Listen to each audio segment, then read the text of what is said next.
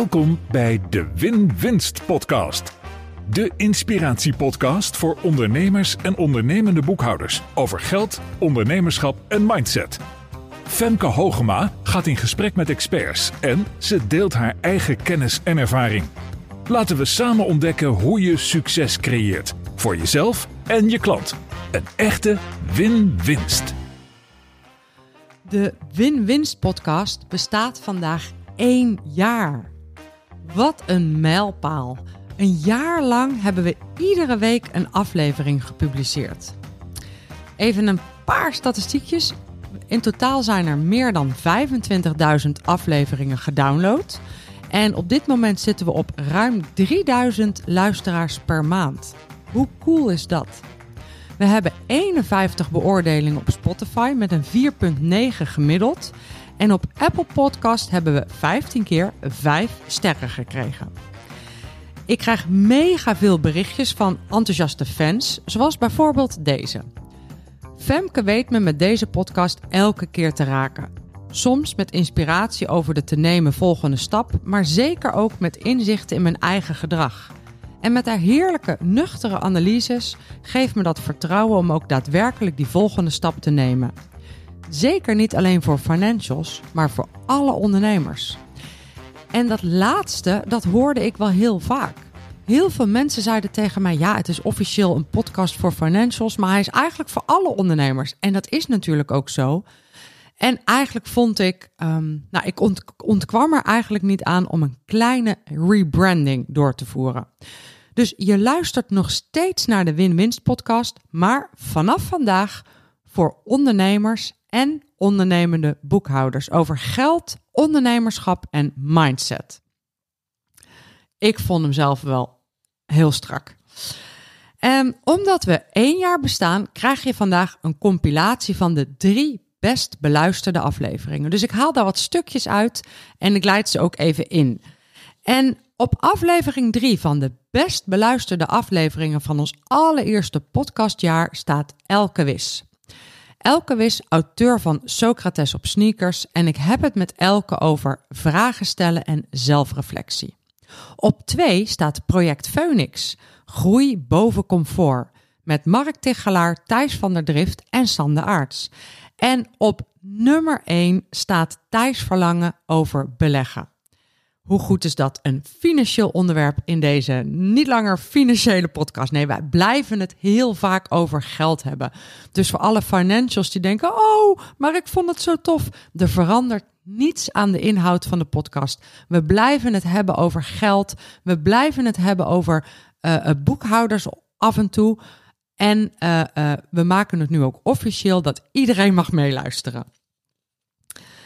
We gaan van drie naar één en ik geef je bij iedere aflevering een korte intro van mezelf. Dus op drie, Elke Wis over vragen stellen en zelfreflectie. Elke is auteur van Socrates op sneakers, waar al meer dan 150.000 exemplaren van zijn verkocht. En deze cijfers zijn van een jaar geleden, dus misschien zijn het er nu al wel 200.000, je weet het niet. En um, uh, Elke die vertelt in deze aflevering over haar ervaring met Profit First en wat dat haar oplevert, zowel als ZZP'er als, of zowel toen ze ZZP'er was, als nu ze MKB'er is. We bespreken ook hoe je gedachten over geld, je geldgedrag sturen.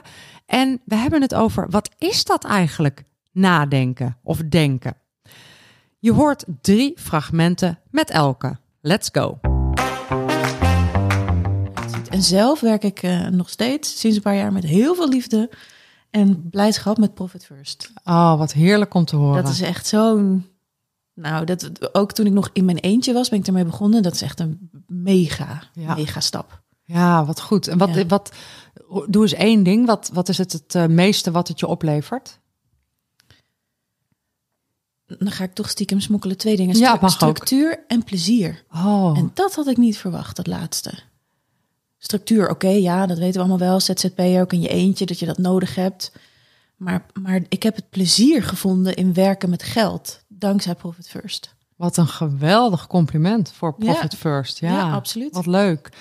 En nu je bedrijf groter is, is Profit First daarmee belangrijker geworden of heeft het een andere rol gekregen? Ehm, dat, dat wat er al was, namelijk structuur en plezier, maar dan keer drie of zo. Dus je hebt nog meer structuur nodig, want ik moet nu vijf mensen betalen. Ze zijn niet in loondienst, zijn allemaal ZZP'ers, maar goed, het moet wel betaald. Ehm, mijn eigen belastingaangiftes zijn een stuk hoger, anders, complexer. Dus die structuur is veel harder nodig. Maar ik heb er ook oprecht plezier in als ik de facturen van mijn trainers betaal. En dat gaat soms om bedragen dat ik denk, zo, daar gaan we dan. Dan ben ik oprecht zo blij dat er iets is buiten mijzelf, namelijk de denksmederij. Wat ervoor zorgt dat een paar gezinnen te eten hebben of op vakantie kunnen. Dat vind ik fantastisch. Ja, fantastisch. Ik herken dat. Ik, ik, ik heb dat ook. Dat geeft je ook een gevoel van, ja, een, een soort grote trots. Van, wauw, dit is niet één ding. Hier, hier, ja, hier kunnen ook anderen, letterlijk wat jij zegt, van eten en op Ja. vakantie. En dat is heel mooi. Ja, ja dat is heel ja, mooi. dus ik ben ook nooit. ehm zit, zit ik die facturen te betalen en dan gaat er 2000 euro of iets van mijn rekening naar iemand anders. En dan denk ik nooit, echt nooit. Oeh, Nee. Maar dat is gek. Ja, en dat is natuurlijk ook dankzij dat het geld al bestemd is in de potjes. Precies. Ja, ik heb daar geen stress van. Nee. Is geld belangrijk? Ja, uitroepteken. Maar dat zou ik niet altijd zo gezegd hebben. Vertel. Nou, ik, ik denk toen ik begon, je zei net in de intro van eh, je hebt de toneelschool gedaan en daar was geld eigenlijk een beetje hmm, ongemakkelijk, een beetje vies, want je bent kunstenaar. Dus hoezo geld? Eh, dus we wisten niks. Toen we van die school afkwamen, wisten niks. Ehm, dus ik, ik denk als je me tien jaar geleden had gevraagd, vijftien jaar geleden, dat ik een soort sociaal wenselijk, nou, geld maakt niet gelukkig. Eh, ja, je hebt het wel nodig, maar gewoon die hele riedel. Ehm, en het heeft me echt heel veel tijd, moeite, geld, training gekost om mijn denken over geld aan te scherpen en aan te passen. Mooi, en dit zijn natuurlijk ook woorden vanuit jouw vak. Mijn denken over geld aan te scherpen. Dus, dus, dus hoe denk je nu over geld? Ja, je zegt al, het is belangrijk uitroepteken. En Mhm. als je daar wat op uitbreidt. Ehm, nou, dan vind ik de relatie tussen denken en geld heel erg onderbelicht. Ik denk haha, dat de manier waarop je over geld denkt, zonder dat je het doorhebt, heel veel voor je faciliteert of remt eigenlijk. Dus hoe ik nu over geld denk, is dat ik ehm, het belangrijk maak en vind, er lol in heb. Wat heel erg uitmaakt voor de relatie die je hebt met iets. Of dat nou geld is, of een persoon, of een auto. Als je er lol in hebt, heb je een andere verhouding toe. Ehm, en mijn, mijn vaste overtuiging is ook geworden: ja, als je een klootzak bent zonder geld, ben je dat ook wel met geld. Als je een goed persoon bent zonder geld, ben je dat ook wel met geld. Dus hoe meer mensen met een goed hart veel geld hebben, moet je kijken wat we allemaal kunnen doen in de wereld. Ja, zoals, zoals jij net al zei, 10% van de winst gaat naar een goed doel. Dat is al iets heel concreets. Maar ook je team kunnen betalen. Dat vraagt natuurlijk ook dat er geld Ja, is. of, of een goede vriend of vriendin helpen die in moeilijkheden zit. Ehm, ik, ik denk dat heel veel mensen, en daar komen misschien straks wel op, ook de klanten van jouw luisteraars, eh, toch met ideeën over geld zitten. Mensen met heel veel geld zijn klootzakken, die hebben dat over de rug van anderen verdiend. Ja, als dat je gedachten zijn die je hebt, bewust of onbewust, dan sta je zelf natuurlijk niet echt toe om veel geld te maken. Nee, nee, nee. En dan beïnvloedt je denken, beïnvloedt je gedrag. Enorm. Je hebt een bureau in de praktische filosofie. Even voor de leek onder ons. Wat is dat, praktische filosofie? Ja, het is wel goed om nog even bij stil te staan, denk ik. Omdat het woord filosofie roept toch heel vaak iets op van zweverig, eng, moeilijk, hoogdravend. In mijn geval moeilijk vooral, eh, Ja, we- wetenschappelijk. moeilijk doenerij om niks eigenlijk. Voor oude mannen met baarden. Ja. Ehm, in mijn beleving is praktische filosofie het kritisch denken toepassen op jezelf en je dagelijks leven. Dus waar filosofen heel goed in zijn, kritisch denken, vragen stellen. Ik heb stiekem het idee dat we dat allemaal wel doen. We hebben allemaal met levensvragen te maken. Wie ben ik? Wat wil ik? Ben ik een goede boekhouder? Ben ik een goede financial? Wanneer help ik mijn klanten? Eh, wanneer laat ik iets liggen? Hoe weet ik dat ik iets laat liggen? Ja, daar vind je de antwoorden niet van op Google of Wikipedia. Nee. Daar moet je over denken. Ja. En daar heb je tools voor. En die zijn verre van zweverig. Die zijn heel pittig, gestructureerd en concreet. Uh, het is echt een soort sportschool. Sportschool voor de geest. Ja, oh mooi. Sportschool voor de geest.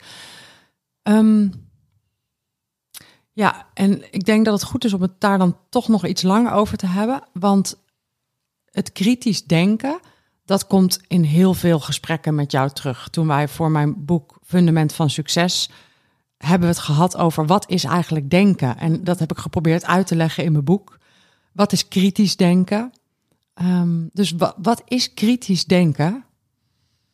Um, je hebt het overigens heel goed uitgelegd in je boek. Dus voor oh, mensen die luisteren en er dieper op in willen, gaat het zeker dat stukje lezen.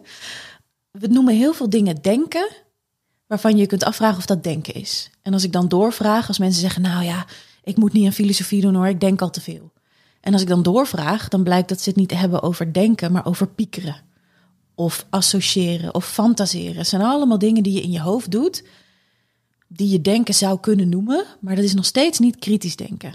En kritisch denken zou ik zelf omschrijven als twee dingen, gestructureerd en gedisciplineerd. En daar ontbreekt het ons aan bij die andere dingen. Fantaseren, piekeren is niet gestructureerd en niet gedisciplineerd. Dus je hebt een denkprobleem, een vraag, bijvoorbeeld ehm, hoe weet ik dat ik mijn klant goed geholpen heb als financial? Ja, daar heb je dan denkwerk op te doen. Dan zul je na moeten denken over de antwoorden op die vraag en die antwoorden vervolgens weer bevragen. En dat is gestructureerd en gedisciplineerd. Ja. Ben je nu benieuwd om meer van Elke te leren over denken? Check dan vooral aflevering 10, want ik praat met Elke nog heel lang door na het stuk wat je zojuist gehoord hebt. Op nummer 2 van de meest geluisterde afleveringen staat aflevering 40, Project Phoenix, Groei boven comfort. Ik spreek met Sander Aarts en Thijs van de Drift van Unbreakable Academy en met Mark Tichelaar die net als ik deelnemer was aan een 72 uur durende fysieke en mentale uitdaging door Special Forces en Marsof, Project Phoenix. We bespreken met elkaar de visie van Unbreakable Academy en we hebben het over de vraag: waarom moet het zo zwaar allemaal? Kan het niet wat relaxter? We hebben het over het belang van het onderdeel zijn van een team om als individu te kunnen presteren. En we hebben het over hoe je die niet dienende denkpatronen dankzij fysieke uitdaging kunt keren. Laten we luisteren naar een aantal fragmenten uit aflevering 40. Je zegt vanuit onze visie, maar wat is dan die visie? Ja, sowieso vanuit onze achtergrond, zeg maar. We hebben allebei heel veel uh, zware opleidingen gedaan die, die niet heel veel mensen halen, zeg maar. En we zagen vaak een, soort van terugkerend patroon. Dat mensen onder zware omstandigheden heel primair gedrag laten zien. En soms is dat, komen de mooiste talenten komen bovendrijven, maar soms ook bepaalde blokkades, mentale overtuigingen. En toen hadden ze iets van, ja, als je mensen daar naartoe kunt brengen, naar dat punt dat ze gaan twijfelen of dat ze tegen die mentale eh, blokkades aanlopen, ja, hoe gaaf zou het zijn als je ze vervolgens daar voorbij kunt brengen? Uh, dus zeg maar vanuit ons oude proces was dat het punt waarop mensen afvielen. En vanuit het nieuwe proces is dat je mensen helpt groeien eigenlijk. Ja. En dat, is een, dat kan een individueel proces zijn, maar ook uh, een, een teamproces. Ja. Dus um, ja, dat is eigenlijk onze visie. Dus onze visie is ook uh, eigenlijk onze missie is om Nederland weerbaarder te maken. Met de overtuiging dat um, ja, stress en spanning, dat, ja, daar kan Mark alles over vertellen. Dan krijg je op een gegeven moment een bepaalde tunnelvisie. En dan zie je eigenlijk vaak de, de oplossing voor je problemen en zie, zie, zie, je letterlijk gewoon niet meer. Dus als je de mensen ruimte kunt bieden zeg maar, in zichzelf, uh, om daar voorbij te kijken eigenlijk, dan herstellen ze de verbinding met zichzelf en de verbinding met de mensen om hem heen. En zo creëren we samen zeg maar, een, eh, een sterkere maatschappij, een weerbaardere maatschappij. Dus dat je jezelf traint en leert om voorbij die tunnelvisie toch te blijven functioneren. Ja, dus ondanks de, de uitdagende omstandigheden, toch die, die ruimte vinden in jezelf. Uh, om de verbinding met jezelf te herstellen en de verbinding met de ander daarmee te herstellen. Want je zegt zo zwaar mogelijk. Waarom kan het niet gewoon wat relaxter dan? Um, het kan altijd relaxter. Alleen, zeg maar, als je echt tot die kern wil komen, dan moet je, dan moet je gewoon tot het gaatje gaan. Ja, tot je eigen kern wil tot komen. Tot je eigen kern. En uh, dat is het mooie aan de, de start van nou, de meeste programma's, elk programma. Uh, door die, die, die heftige soort schok-effect, dat maakt gelijk dat we een verbinding hebben. En uiteindelijk daar gaat het om. om de verbinding met elkaar. Eh, want ook als, uh, in dat teamwork, als dat niet werkt, ja, dan, dan haken mensen af. Want die voelen zich niet onderdeel van. Ja, en dan, dan ga je het niet redden. Ja. Uh, dus dus als individu kun je zo sterk als mogelijk zijn. Maar als je door het team niet gedragen wordt, dan ga je ook die eindstreep niet halen. En, en dat heb ik ook heel erg ervaren, als je, je moet ook zelf beseffen dat het gaat over het team en niet over jou als individu. Een van de dingen die ik mij ook al in de twaalf uur, waar ik echt heel erg heb geleerd, is dat het niet zo handig is om stoer te gaan lopen doen, dat je het zelf al kan. En dat zit wel in mij als persoon, dat ik het zelf wel kan. En dat ik, ja, hulp, dat lijkt dan een zwakte te zijn. En je merkt er heel snel in zo'n of een 12 uur of een 72 uur dat het tegenovergestelde waar is. Als jij gaat denken dat je het zelf wel kan, dan blokkeer je het hele team. Dan belemmer je het hele team. En dat vond ik zo leerzaam. Heb jij dat ook ervaren, Mark? Ja, absoluut. Ik ben op zich, dat vond ik ook, ik weet dat die waarden zijn, weet ik ook heel duidelijk, ook in jullie ouderwerk natuurlijk heel belangrijk, met name het teamwork deel natuurlijk, en in programma's ook. En toen dacht ik, oeh, vond ik eigenlijk wel lastig, want ik ben niet super een teamplayer. Ik ben best wel gewend om, om zelf dingen te doen. Uh, dus ik dacht, oeh, ik ben benieuwd hoe ik dat ga ervaren. Misschien vind ik dat lastig. Maar precies de term die je net gebruikt, gedragen worden door het team. Nou, dat heb ik bij uitstek ervaren. dacht ik, huh? Zo kan het dus ook. En volgens mij de zin die je in het begin aangaf, alleen ben je misschien sneller, maar samen kom je verder. Denk ik, oh ja, shit, ik kende die zin wel, maar nu heb ik hem ook echt gevoeld dat het zo is. En dat je als team dus veel meer kan dan je ooit in je eentje zou kunnen proberen. Dus dat teamgevoel was voor mij ook echt letterlijk een, een nieuwe ervaring van, oh ja, zo, zo kan het dus ook. Ja, en juist in die, hè, die beleving, en, en ja, daar heb je inderdaad wel wat zwaardere methoden voor nodig. Daarom moet je wat langer volhouden. Om echt tot die kern, tot dat gevoel van met elkaar gaan we die eindstreep halen. Uh, want anders, in beide programma's waren er al veel meer mensen die gezegd hebben, nu hoeft het niet meer voor mij. Ja. Maar omdat je die andere ook door ziet gaan, die het dan net even over heeft, dat stimuleert mensen gewoon uh, om, om verder te gaan. Want even voor de mensen die dit nu horen of zien en die echt geen idee hebben waar het over gaat, kun je nog iets concreter zijn van, oké, we hebben het met oud-militairen, we hebben het over mentale uitdagingen, fysieke uitdagingen. Je noemde net al even de 12 uur, dat was een nachtje. 72 uur, nou iedereen die kan rekenen, die snapt dat dat drie dagen en drie nachten is. Maar wat is het dan? Wat ga je dan doen?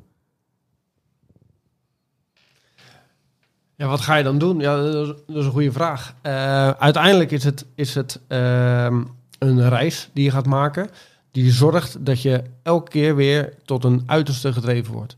En de ene kant, ene keer is dat een fysiek uiterste, om vervolgens weer te reflecteren van, hey, wat heeft me dit nou gekost en wat heeft het me gebracht?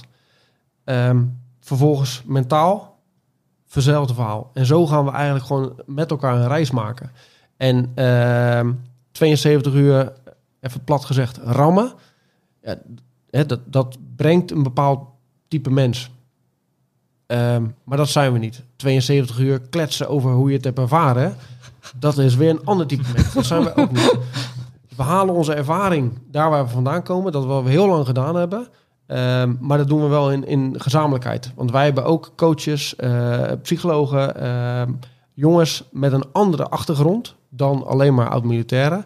En dat maakt in onze beleving ons product ook zo sterk. Dat we juist zeg maar die, die switch continu maken. Nou, als ik daarop aan mag haken, dat, dat heb ik ook bij de feedback toen uh, terug, of bij de, na, de, de debrief was dat toen, hebben we ook besproken. Dus ik vond een hele vette combi van hardheid, heel duidelijk. Ik bedoel, daar, daar teken je ook voor als deelnemer.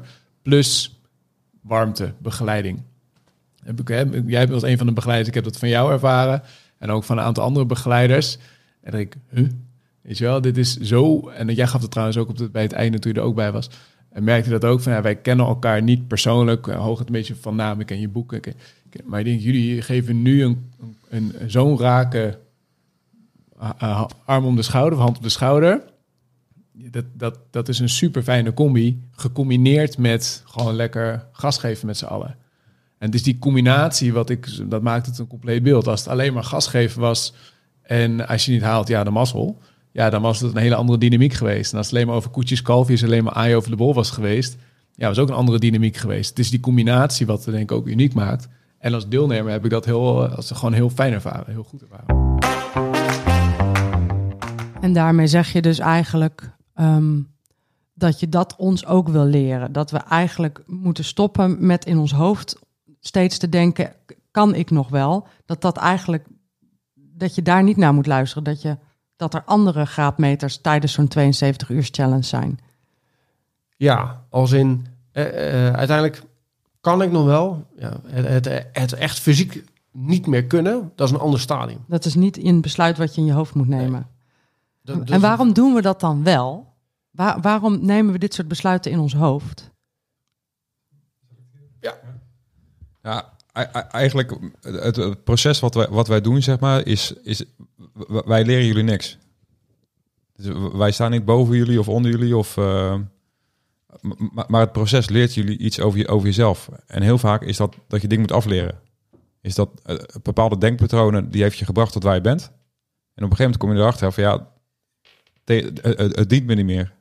Dus dan moet je eigenlijk vanuit het denken weer gaan voelen. En dan, Ja. kom, dan kom je op het punt van overgave. Dus ehm, vanuit een soort zelfbescherming gaan we nadenken over: kan ik nog wel verder?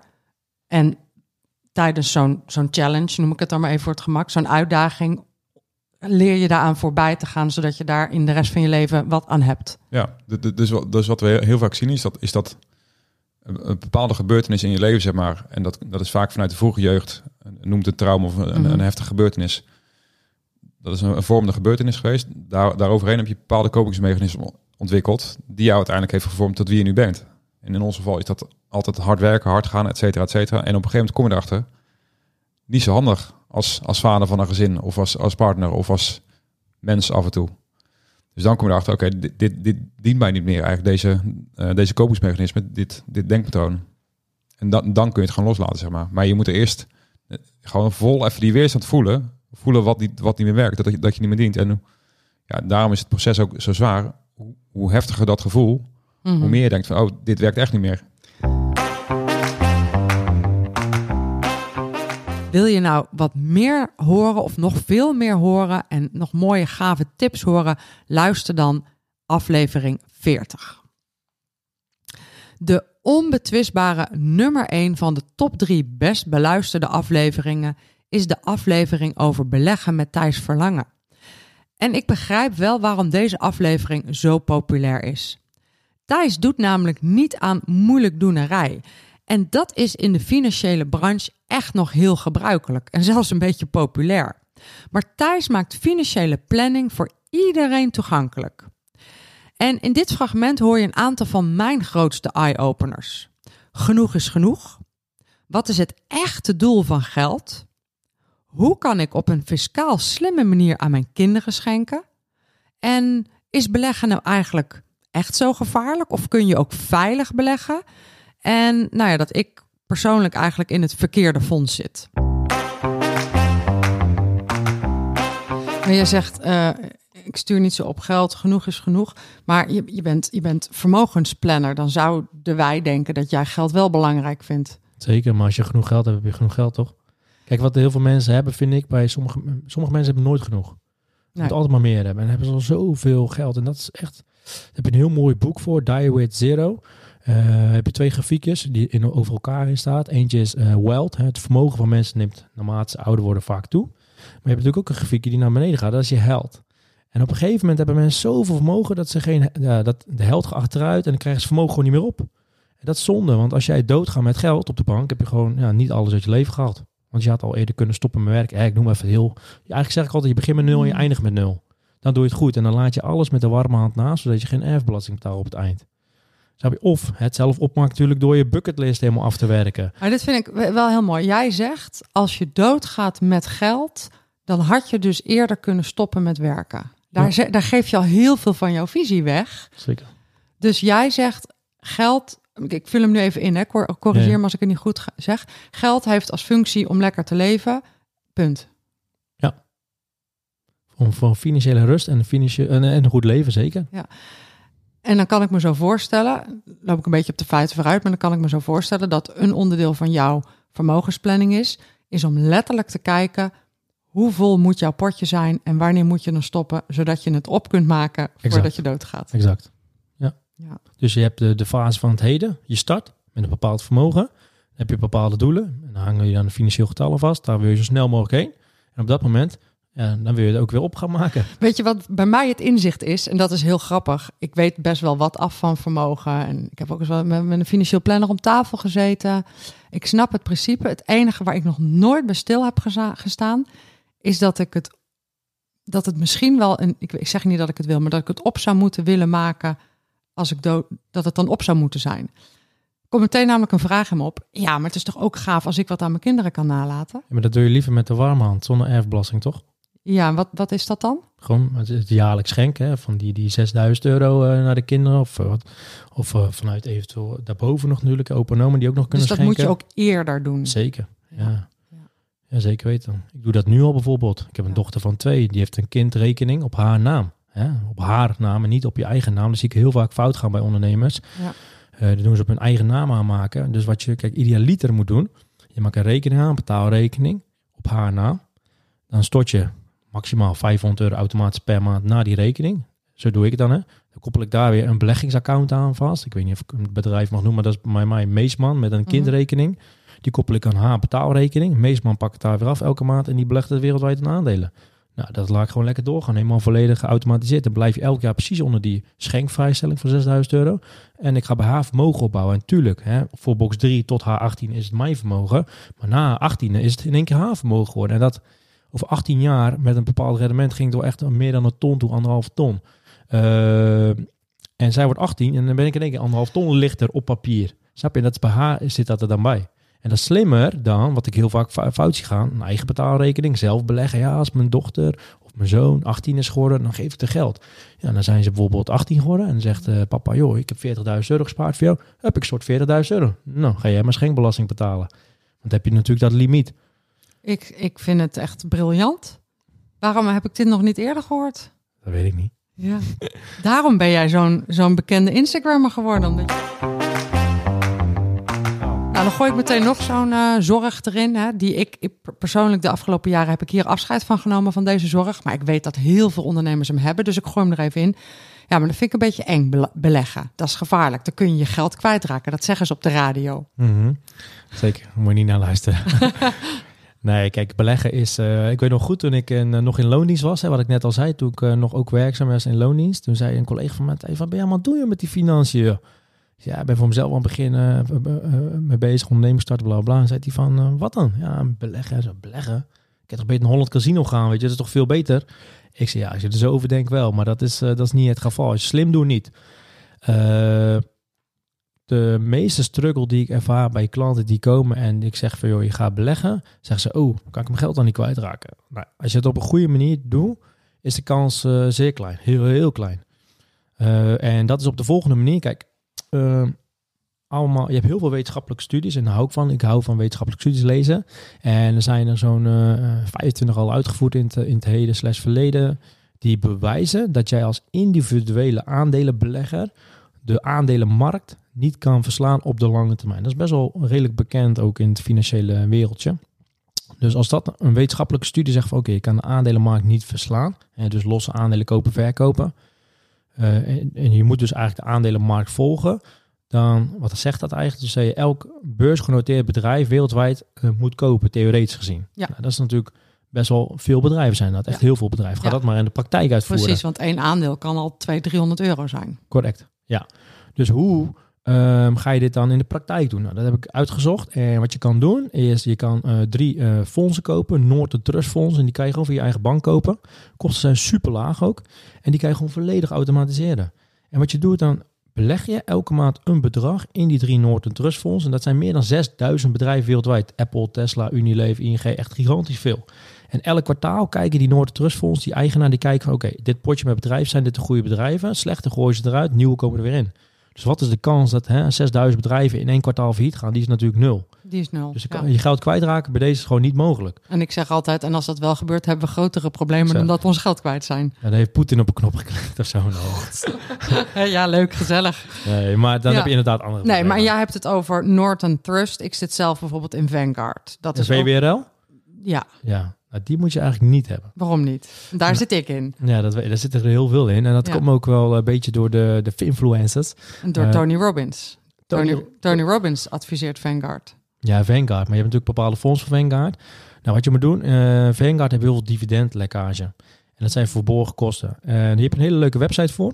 www.indexfondsenvergelijken.nl Hmm. En hier kan je gewoon kijken van oké, ik wil dus heel de aandelenmarkt volgen tegen de allerlaagste kosten. Hè, want de hele aandelenmarkt moet je volgen om de hoogste rendement te halen. En dat, je kosten natuurlijk, daar weet je eraf maar. Dus tegen de laagste kosten. Nou, dan ga je scrollen en dan zie je eigenlijk op plek 3 uit mijn hoofd staat Norton Trust. Dan volg je 92% van de aandelenmarkt met die drie fondsen die ik net zei. Voor eh, ja, ergens eh, t- eh, 0,196% kosten eh, bij de bank gewoon. Ja. Ga je VWRO kopen, Total World van Vanguard via de Giro, dan ben je kwijt per maand 2,5 keer zoveel, 0,549. En dan denk Dus je, het is hè, gewoon veel duurder. hoe kan dat? De Giro is toch te koopste, kernselectie, bla bla bla. Nou, de, de, de kosten van de eh, VWRL zitten op 0,22. Hebben ze nog interne transactiekosten die ze niet vermelden, maar komt wel terug uit de documentatie 0,043. En een dividendlek van het restant aanvullend tot en met 0,549. En je volgt dan ook nog eens 89% van de markt, dus minder aandelen. En je kan het ook nog niet eens automatiseren. Dat klopt, ik kan het niet automatiseren. Nee. En het grappige is, dat is ook wel een probleem. Want als we het hebben Ja. over automatiseren... ehm, nou ja, zeg jij het maar, dan zal ik mijn probleem daarna uitleggen. Waarom Ja. moeten we automatiseren? Ik persoonlijk automatiseer alles. Als ik niet Mhm. kan automatiseren, beleg ik er niet eens in. Behalve vastgoed, dat is natuurlijk een ander verhaal. Maar eh, als je het niet automatiseert... Kijk, wat je moet doen is maandelijks inleggen. Dat is heel belangrijk om de markt te volgen. Ja, als je een paar maanden vergeet in te leggen... Ja, dat is niet heel eh, gunstig voor je resultaat, zeg maar. En mijn type A-klant is een drukke ondernemer... die gewoon het geregeld wil hebben. Ja, dan is automatiseren ideaal. Automatiseren moet je doen, zeg jij, want je moet gewoon iedere maand inleggen. Je wil de markt volgen, je wil gewoon steady vermogen opbouwen. Tweede reden is dat als je niet automatiseert, dan ga je dus alleen maar inleggen als jouw emotie daar zin in heeft. Als je denkt dat het nu het goede moment is, dat, zo ben ik, dat ik denk, oh, Vanguard staat nu laag, kom, ik koop nog eens wat. Ja. Betekent dat ik veel minder inleg dan ik eigenlijk zou kunnen inleggen, want ik leg alleen maar in als ik er zin in heb, als Ja. de markt goed staat. Plus je gaat alleen maar beleggen van de restjes. Van, oh, ik heb deze maand geld over. Ja. Terwijl je moet beleggen eerst doen en dan. Eh, dus ik vind automatiseren heel belangrijk. En, en Thijs geeft nog zoveel meer tips in deze aflevering. Zo staan we ook stil bij pensioenbeleggen. Volgens Thijs is dat dé manier om pensioen op te bouwen als ondernemer. En in de aflevering van de aflevering 24 van de Win-Wins podcast legt hij dat perfect uit. Overigens zeg ik tijdens deze aflevering met Thijs een aantal keer van... oh wauw, ik moet echt actie ondernemen. En bij het terugluisteren van deze aflevering ontdekte ik dat ik wel degelijk acties heb genomen... maar dat er ook nog acties te nemen zijn. En dat leerde mij opnieuw dat kennis eigenlijk maar heel weinig voor je doet. Je kunt het allemaal weten, maar het zet pas echt zoden aan de dijk als je wat doet. En volgens mij zei Tony Robbins dat ook. Volgens mij zegt Tony Robbins altijd... Knowledge is not power. Knowledge in action is power. En ik denk dat dat een hele mooie conclusie is van een jaar lang win-winst podcast. Er zijn geweldige gasten langsgekomen en geweldige ideeën. Maar uiteindelijk zet het pas zoden aan de dijk als je wat gaat doen. Dus laat dat ook mijn oproep aan jou zijn voor 2025. Eh, even, nou loop ik wel heel erg op de feiten vooruit. Voor de rest van 2024. Om natuurlijk te blijven luisteren naar de Win-Winst podcast. En te proberen om meteen na iedere aflevering één actie te nemen. Want dan gaat deze gratis podcast jou ongelooflijk veel opleveren in 2024. Ik hoop dat jij net zo genoten hebt van het afgelopen podcastjaar als ik. En mocht je nog geen review hebben gegeven, dan is dat een prachtig cadeautje voor de eerste verjaardag van de Win-Wins podcast. Laat ik het even heel praktisch voor je maken. Hoe doe je dat? Nou, op Spotify ga je naar de drie puntjes. Zit je op dit moment in een aflevering, dan druk, druk je op die drie puntjes en dan ga je eerst naar de podcast. En daar klik je opnieuw op de drie puntjes en dan zeg je show beoordelen. Zit je op Apple Podcast, dan scroll je een stukje naar onderen door de afleveringen heen en daar staat een veld beoordelen en daar klik je dan op. Op YouTube kun je natuurlijk subscriben op de podcast en een duimpje geven op de aflevering. En overigens ook op Spotify en Apple kun je subscriben of abonneren. Nou, dat vind ik een super tof cadeautje. Dank daarvoor. En je luisterde naar de Win-Wins podcast over geld, mindset en ondernemerschap. Ik zie je natuurlijk super graag volgende week weer aan de start van ons tweede podcastjaar. En volgende week ben ik in gesprek met John Slabbekorn over hoe je een 8,5 scoort op alle levensgebieden. Dus niet alleen op je onderneming, maar ook niet alleen op privé. Niet alleen op hoe je fysiek uh, uh, in het leven staat, hè, dus hoe fit je bent, maar gewoon een 8,5 op alle levensgebieden. Dat is volgende week. Ik zie je heel graag weer terug op woensdag, Win-Winsdag.